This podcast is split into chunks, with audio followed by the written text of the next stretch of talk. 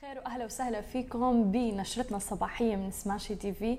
معكم أنا هالة وبتمنى لكم عن جد يوم يكون مليء بالأمور الإيجابية والإنتاجية أيضا.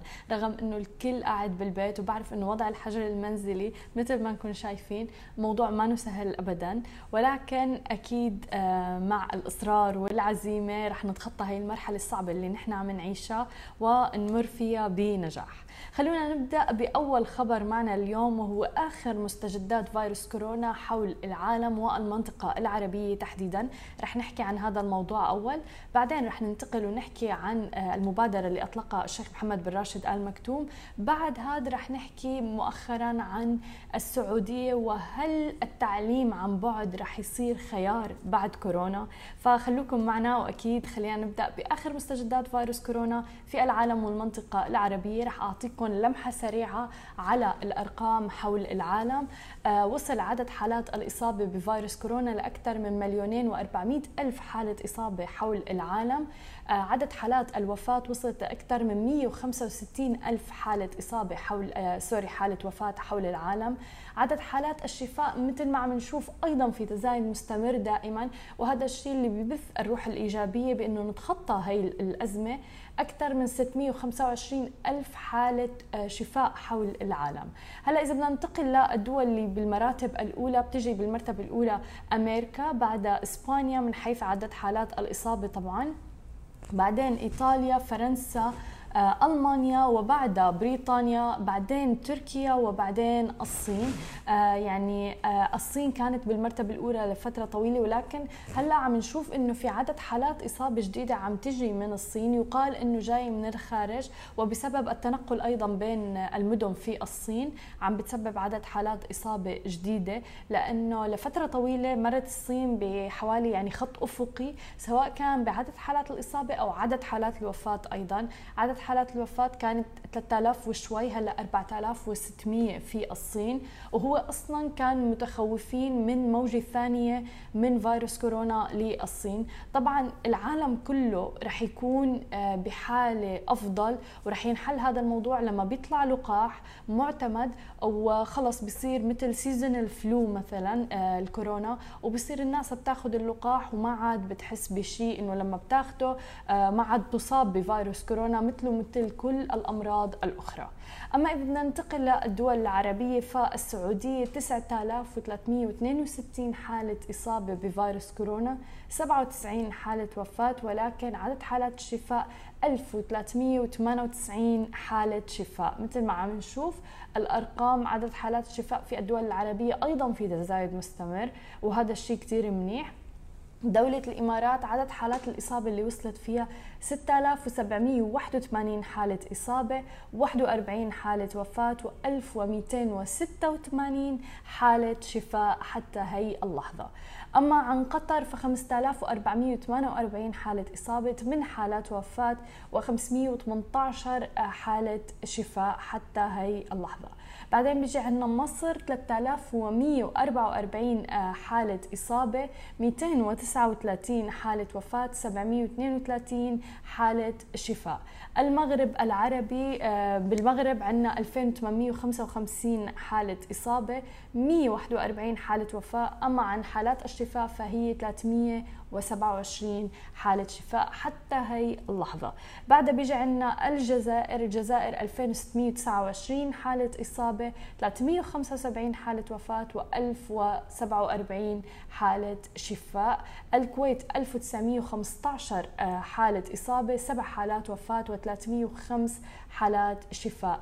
بعدها بيجي عندنا البحرين البحرين عدد حالات الشفاء مقارنة بعدد حالات الإصابة مرتفع جدا أيضا 1881 حالة إصابة سبع حالات وفاة وأما عن حالات الشفاء ف 759 حالة شفاء. مثل ما عم نشوف هاي الأرقام بالدول العربية بالنسبة لدولة الإمارات آه، أعلنت أنه عندها خمس أدوية لعلاج آه، كورونا في دولة الإمارات.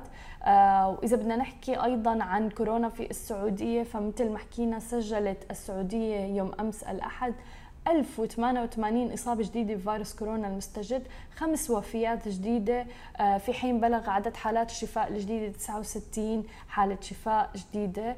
آه، وفي دراسة جديدة أيضا عم بتقول إنه يجب على الجميع إجراء فحص كورونا بلا استثناء. يعني حتى لو ما عندكم الأعراض لازم الواحد يعمل آه، فحص لفيروس كورونا.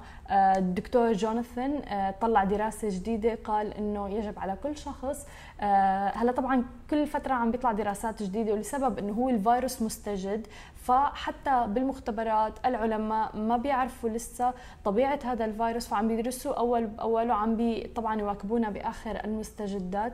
آه، فهلأ هي دراسة جديدة. بالنسبة لجنوب السودان عندها أربع أجهزة تنفس صناعي آه، بينما العالم عم بيدافع للحصول على آه، أجهزة التنفس الصناعي لسبب إنها بتساعد بشكل كثير كبير لأنه من أعراض فيروس كورونا ضيق التنفس.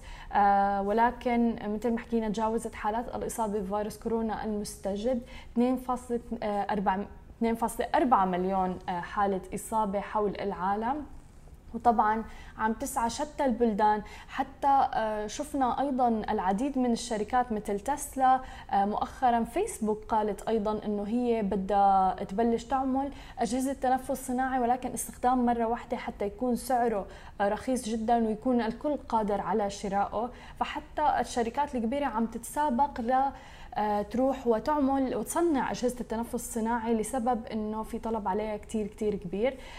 قال العديد أيضا من مسؤولي الصحة أنه التلوث بالمختبرات آه، مراكز مكافحة الأمراض والوقاية منها كان هو السبب المحتمل للتأخر المبكر الحرج في طرح اختبارات فيروس كورونا مما أيضا أبطأ استجابة الولايات المتحدة الأمريكية للوباء. مثل ما بنعرف الولايات المتحدة الأمريكية المرتبة الأولى من عدد حالات الإصابة حول العالم. إذا بدكم بخبركم آه، في أكثر من 764 ألف حالة إصابة في الولايات المتحدة الأمريكية حتى هي اللحظة. 40 ألف حالة وفاة. أما عن عدد حالات الشفاء 71 ألف حالة شفاء.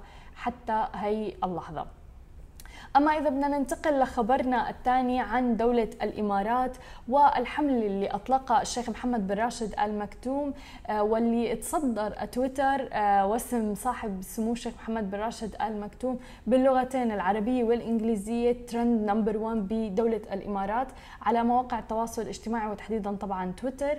آه، بعد ساعات قليلة من التغريدة وإطلاقه حملة 10 ملايين وجبة وهي أكبر حملة مجتمعية وطنية من نوعها لتقديم وجبات الطعام أو ما يعادلها من طرود أيضا غذائية وتموينية لدعم الأفراد المحتاجين والأسر المحتاجة آه، في مختلف أنحاء دولة الإمارات. هدفها طبعا التخفيف من معاناة الفئات اللي عم بتعاني أكثر من غيرها في هذا الظرف الاستثنائي الناجم عن تفشي فيروس كورونا في مختلف أنحاء العالم.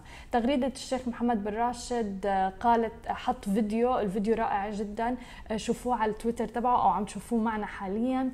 آه، إنه وجهنا اليوم بإطلاق حملة لتوفير 10 ملايين وجبة أو ما يعادلها من طرود غذائية خلال الشهر الفضيل مثل ما بنعرف شهر رمضان الفضيل جاي إن شاء الله يكون مبارك على الجميع. للأفراد والأسر المتعففة. الحملة ستكون بإشراف الشيخة هند بن مكتوم. حفظها الله وهي أقرب وأنبل من وجدت لرعاية هي الحملة الإنسانية في هي الأوقات الاستثنائية. آه، أيضا غرد صاحب بالسمو قال إطعام آه، آه، إطعام الطعام وخاصة ونحن على أبواب الشهر الفضيل. هي أولوية إنسانية ومجتمعية بتفرضها ظروف أكبر أزمة يمر بها العالم من حولنا. أزمة أظهرت معدن دولتنا الأصيل وروح الخير المتجذرة في الجميع صدقا. لن يمرض أحد ولن يحتاج أحد ولن يجوع أحد على أرض الإمارات دون أن يهتم به الجميع. كثير حلوة التغريدة كثير بتبث روح الأمل وغير روح الأمل أيضا روح المبادرة من الجميع. يعني صدقا آه، بتشجع آه، الناس ليروحوا ويبادروا ويقدموا لكل الناس. آه، أنا من الأشخاص اللي كنت عم فكر أيضا بالحملات اللي كانت تقوم فيها دولة الإمارات بشهر رمضان الفضيل تحديدا اللي هي توزيع الطعام وغيرها إنه هل رح تتأثر بشهر رمضان هذا بسبب تفشي فيروس كورونا؟ الناس في حجر منزلي ما عم تطلع من البيت كثير في تقييد للحركة ولكن الكل ممكن إنه يساهم. آه للتبرع الناس فيها بس ترسل كلمة وجبة على آه الرقم 1034 لل 8 دراهم آه المبلغ 1035 ل 40 درهم 1036 ل 80 درهم 1037 ل 160 درهم و 1038 ل 400 درهم سواء كنتوا من دو أو اتصالات. آه، أو فيكم تتجهوا طبعا للتغريدة اللي غردها صاحب سمو الشيخ محمد بن راشد ال مكتوم كل أصلا المعلومات موجودة هناك أيضا.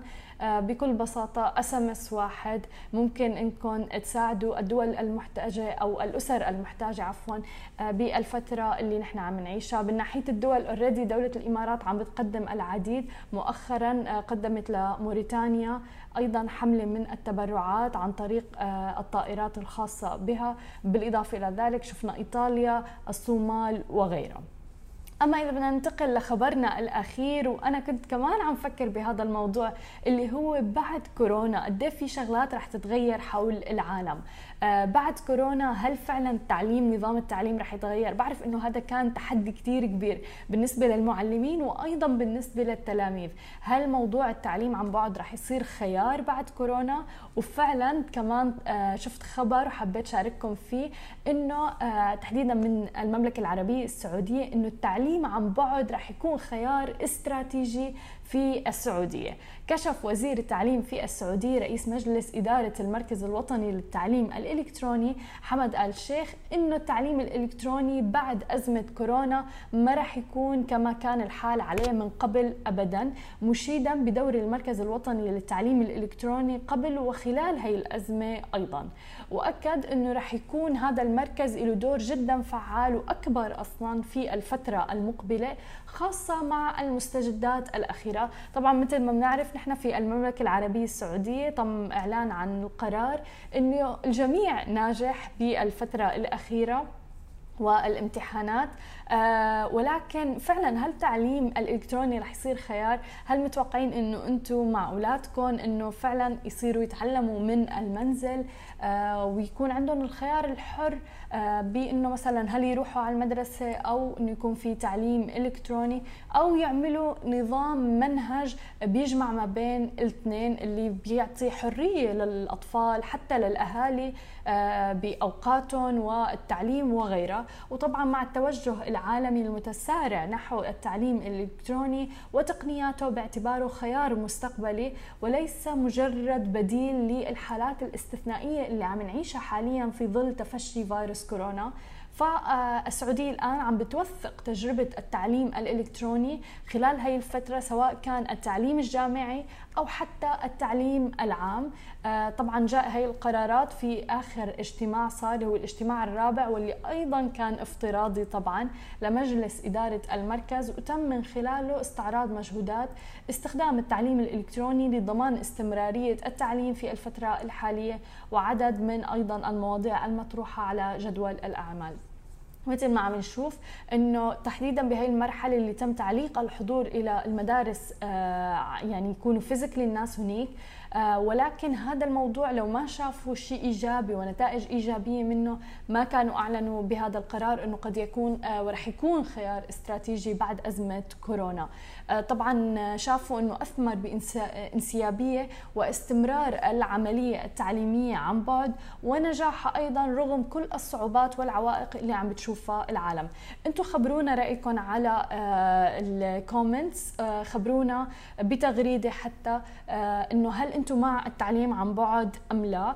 لسبب إنه حلو الواحد يسمع آراء الناس حول هذا الموضوع وتحديدا للناس اللي عندهم أهالي أو الطلاب نفسهم كيف شافوا تجربة التعليم عن بعد؟ هل فعلا إنكم ممكن تكملوا فيها أم لا؟